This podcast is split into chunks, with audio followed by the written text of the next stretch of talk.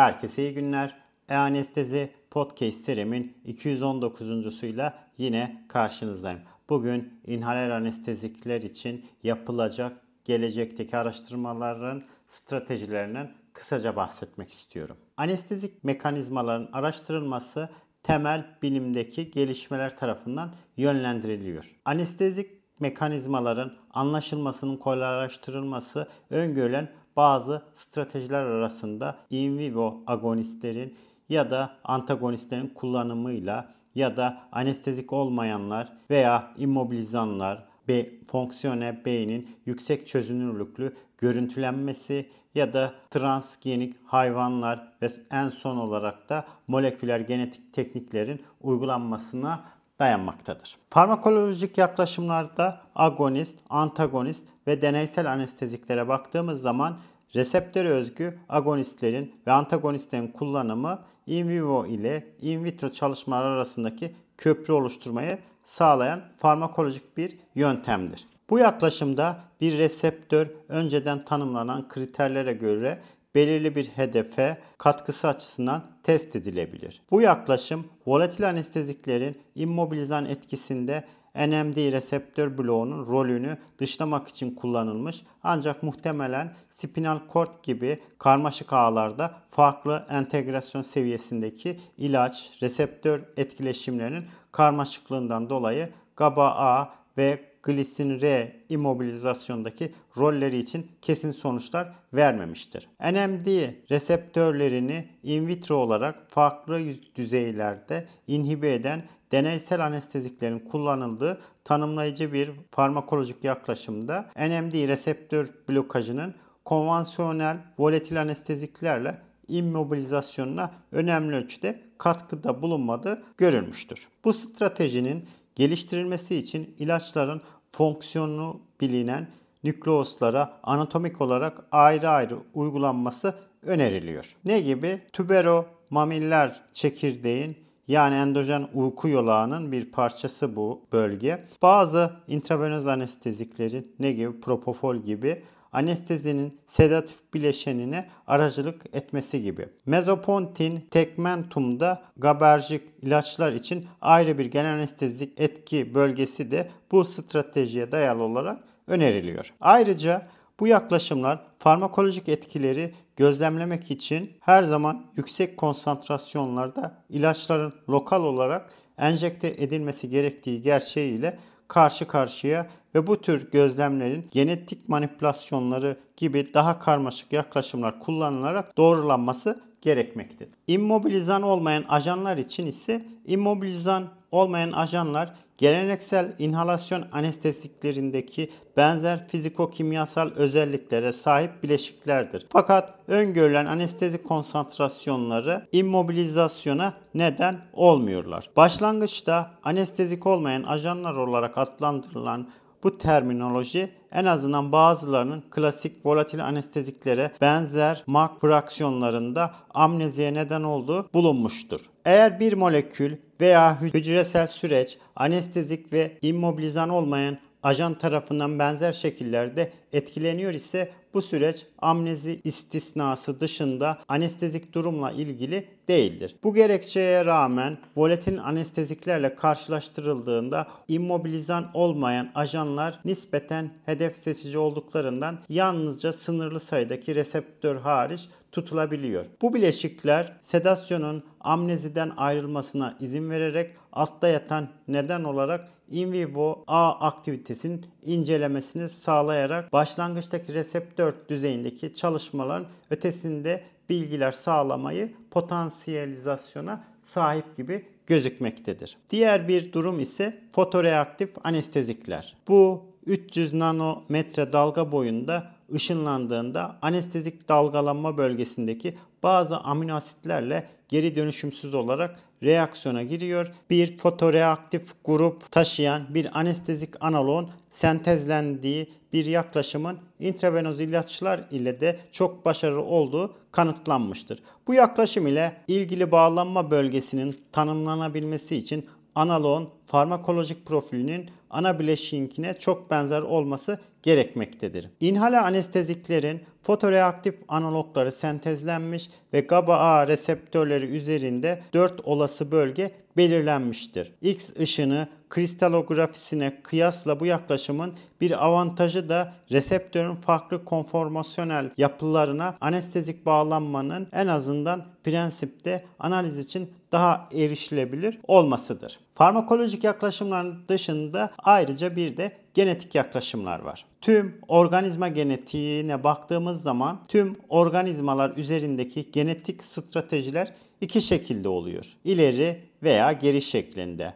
Tersine genetik yaklaşım seçilen belirli bir gene odaklanıyor. Çünkü ürünün anestezi için önemli olabileceği hipotezi için neden var gibi gözüküyor. Bu stratejinin örneklerine baktığımız zaman spesifik nörotransmitter reseptörlerinin anesteziklere duyarlılığını değiştiren hedeflenmiş mutasyonlardır. Başlangıçta bu mutasyonlar anestezik bağlanma bölgelerini belirlemek için kullanılmış. Daha sonradan ise ya genomundan varsayılan bir hedef proteinin silinmesi ya da bir anesteziye karşı duyarsız olacak şekilde tasarlanmış bir hedef reseptörün ekspresyonu yoluyla anesteziklere dirençli hale getirilen transgenetik hayvanlar değiştirilmiş gen ürününün anestezisinin oluşumuyla ilgili davranışsal ilişkinin test etmek için kullanılmış. Buna karşın ise ileri genetik bir popülasyonda ilgilenilen fenotipi etkileyen rastgele oluşturulmuş mutasyonlar çalışmalarına içeren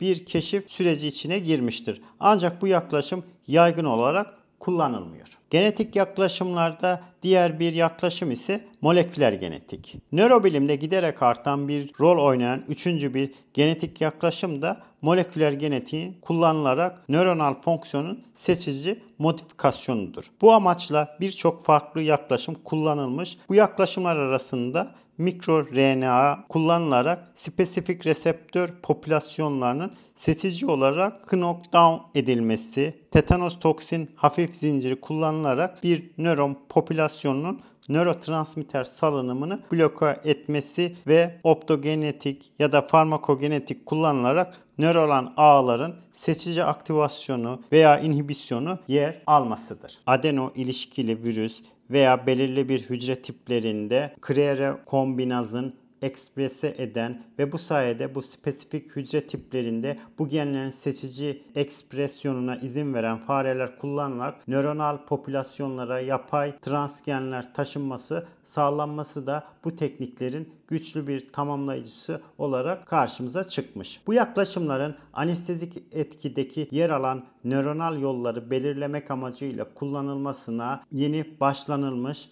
ve bu ne gibi örnek verecek olursak yakın zamanda talamusa yakın bir yerde bulunan eksitatör bir nükleus olan lateral habenulanın aktivasyonunun propofolin sedatif etkileri için gerektiği gösterilmesi gibi. Bu yaklaşımların inhalasyon genel anesteziklerinin mekanizmasını anlamamız üzerine giderek artan bir etkisinin olduğu düşünülmektedir. Diğer hayvan çalışmalarında ise burada ilgili proteini kodlayan genin ekspresyonu spesifik silme veya ekleme yöntemiyle bozulmaktadır. Bu tür çalışmaların neredeyse tamamı farelerde yapılmış.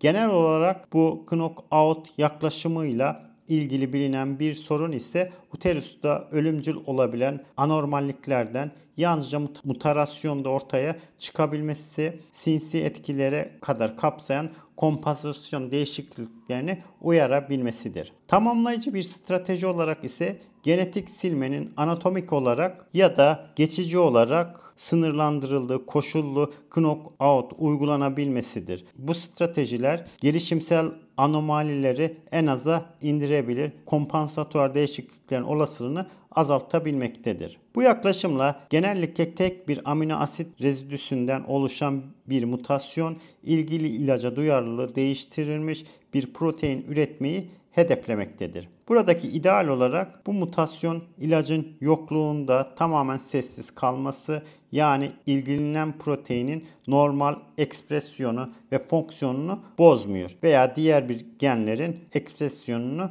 değiştirmediği gibi. Diğer bir yaklaşım ise GABA-A reseptörleri. Transgenik hayvanlarda elde edilen sonuçlar inhale ajanlarla ilgili genetik yaklaşımın hem faydasını hem de zorluğunu göstermektedir.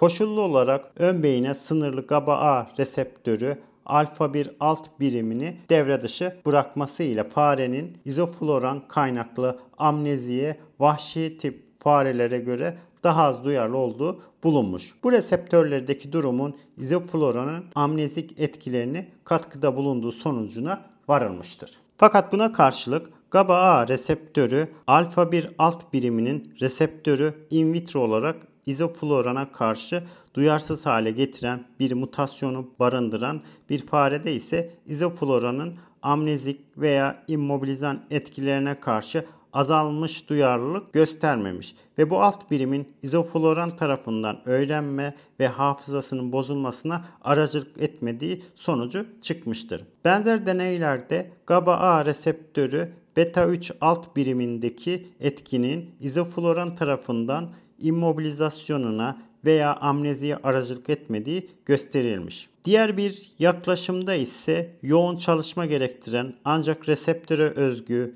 intravenöz anesteziklere net sonuçlar veren güçlü bir araç olarak karşımıza çıkmış. Fakat burada daha kompleks inhale ajanlara uygulamanın zor olduğu kanıtlanmıştır. Diğer bir durum ise glisin alfa 1 içeren reseptörleri. Farmakolojik çalışmalar glisinin temel inhibitör nörotransmitter olarak GABA'nın yerini aldığı spinal kortta inhale anesteziklerin immobilizan etkisinde glisinerjik sinir iletiminin etkili olabileceği fikrini desteklemiştir. Bununla birlikte alfa 1 alt birimi içeren glisin reseptörlerini alkole ve inhale eter anesteziklere karşı büyük ölçüde duyarsız hale getiren mutasyonları barındıran farelerde MAC değerinde hipotez ile uyumlu bir şekilde gösterilmemiş. Yetişkin hayvanlarda en yaygın olarak eksprese edilen alt birim alfa 1 olduğundan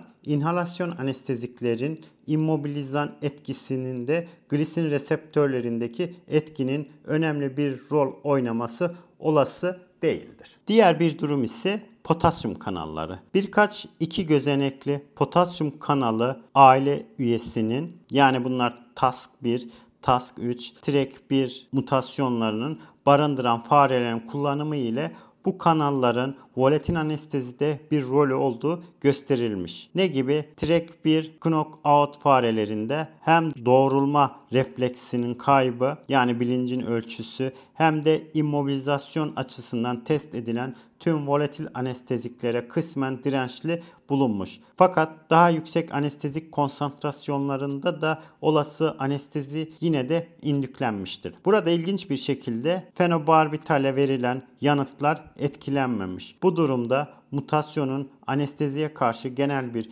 dirence neden olmadığı gösterilmektedir. Diğer bir durum ise ileri genetik ve popülasyon genetiği. Burada 302 nörona sahip nematot ve 100 bin nörona sahip meyve sineğindeki anestezi araştırmalarındaki model organizma olarak kullanılmış ve en belirgini ise memeli proteini stomatinin yakın bir homoloğu olan ANK1 olmak üzere bu nematotun belli sayıdaki geninde bulunan mutasyonlar volatil anesteziklere duyarlı etkilenmektedir ve uygun anestezik hedeflerin tanımlanmasıyla ilişkili belirgin sınırlamalar olmasına rağmen mayalarda da model organizmalar olarak kullanılmıştır. Anesteziklere duyarlılık kantitatif bir özelliktir ve bu kantitatif genetik sürekli görülen özelliklerin kalıtsallığının incelenmesidir. Bu özellikler kantitatif özellik lokuslarındaki temsil edilen genler tarafından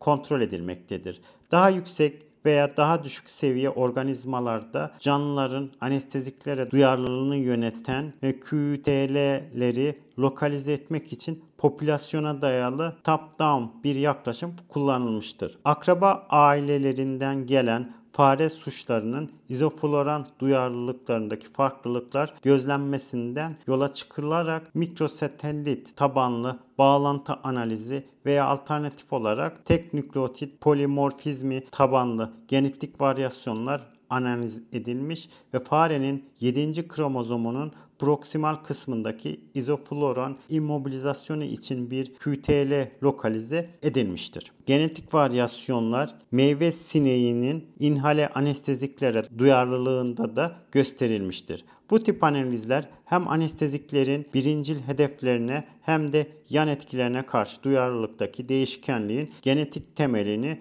tanımlamaya yardımcı olmayı göstermektedir. Diğer bir durum ise fonksiyonel görüntüleme ve yüksek yoğunluklu elektroensefalografi çalışmaları bilinç, hafıza ve immobilizasyon üzerindeki anestezik etkiler için anatomik ve fonksiyonel substratların belirlenmesi artık gelişmiş görüntüleme teknikleriyle ulaşılabilir hale gelmiştir. Bu görüntülemeler PET ve fonksiyonel manyetik rezonans görüntülemede olduğu gibi nöronal aktivitenin bir ölçüsü olarak değerlendirilen metabolik veya hemodinamik değişikliğin haritalanmasında veya yüksek yoğunluklu EEG, manyetoensefalografi ve düşük çözünürlüklü beyin elektromanyetik tomografileri ile elektriksel aktivitenin haritalanmasına dayanmaktadır. Reseptörlerin özellikleri PET tarafından radyoaktif ligandlarla da incelenebiliyor.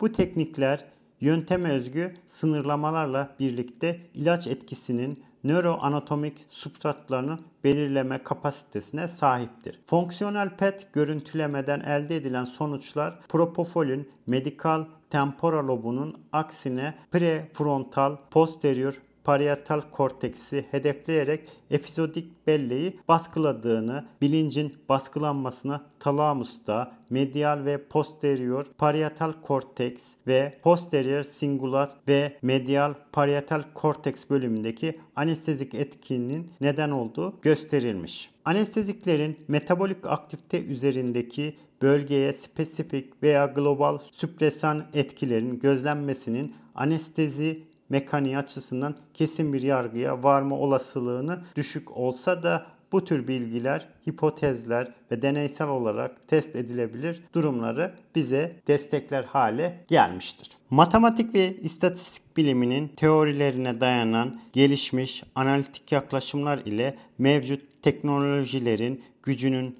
artırmak amacıyla giderek daha fazla uygulanır hale gelmiştir. Beynin manyetik rezonans görüntüleri ve yüksek yoğunluklu EEG kayıtları ve bu bölgeler arasındaki güçlü bağlantıları ortaya koymak için kullanılmış. Ancak bu bağlantı bilgisinin beynin anesteziye tepkisini daha iyi anlama konusundaki potansiyeli ancak ve son zamanlarda kullanılmaya başlanmıştır. İnvazif kayıt tekniklerinin kullanımının artması ile nörobiliminin genel çerçevesini ve özellikle anestezik mekanizmanın anlaşılması üzerine katkısı giderek artmaktadır. Ve sonuç olarak özetleyecek olursak anesteziklerin hedefi paradigmasının lipidlerden proteindeki amfibilik boşluklara kaymasıyla inhalasyon anesteziklerin mekanizmalarını açıklamanın bir nesil önce tahmin edilenden daha zor olduğu kanıtlanmıştır. Ve bu kayda değer miktardaki bilgi birikimine rağmen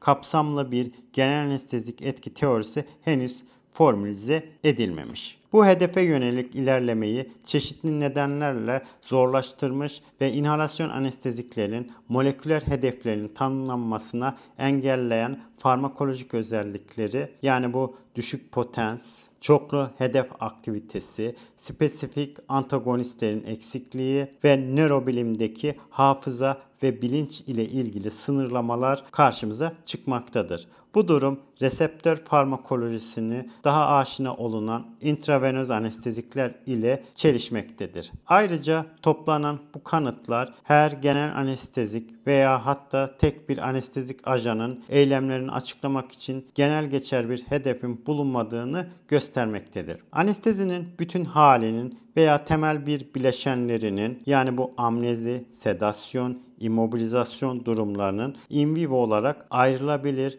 davranışsal durumlar olduğu artık netlik kazanmıştır. Moleküler ve hücresel seviyedeki bu olguların çözülmesi çağdaş nörobiliminin en ileri noktasını temsil ediyor. Bu zamana kadar tanımlanmış multiple moleküler ve hücresel anestezik etkiden hangilerinin istenilen davranışsal hedefler için kritik olduğu, hangilerinin zararsız veya faydalı yan etkiler olduğu, uzun süreli ya da uzamış istenmeyen sonuçlara neden olabileceği net değildir. Genel anesteziklerin moleküler hedeflerini belirlemedeki ilerleme davranışsal veya periferik hedefleri ile ilgili ağ ve sistem düzeyindeki etkilerin tanımlanması için bir temel oluşturmaktadır. Bir zamanlar yalnızca psikolojinin alanı olduğu düşünülen davranışların biyolojik temelleri çözüldüğünde bu anestezikler içinde değerli bir araştırma aracı olarak karşımıza çıkmaktadır. Evet, bugün inhaler anestezikleri için yapılacak çalışmalarda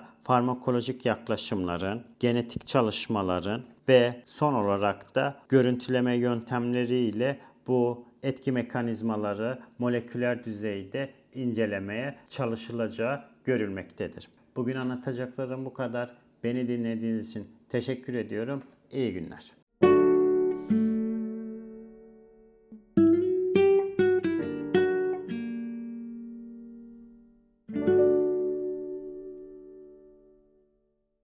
Herkese iyi günler. E-Anestezi Podcast serimin 219.suyla yine karşınızdayım. Bugün inhaler anestezikler için gelecekteki araştırmalar için yapılacak stratejilerden kısaca bahsetmek istiyorum.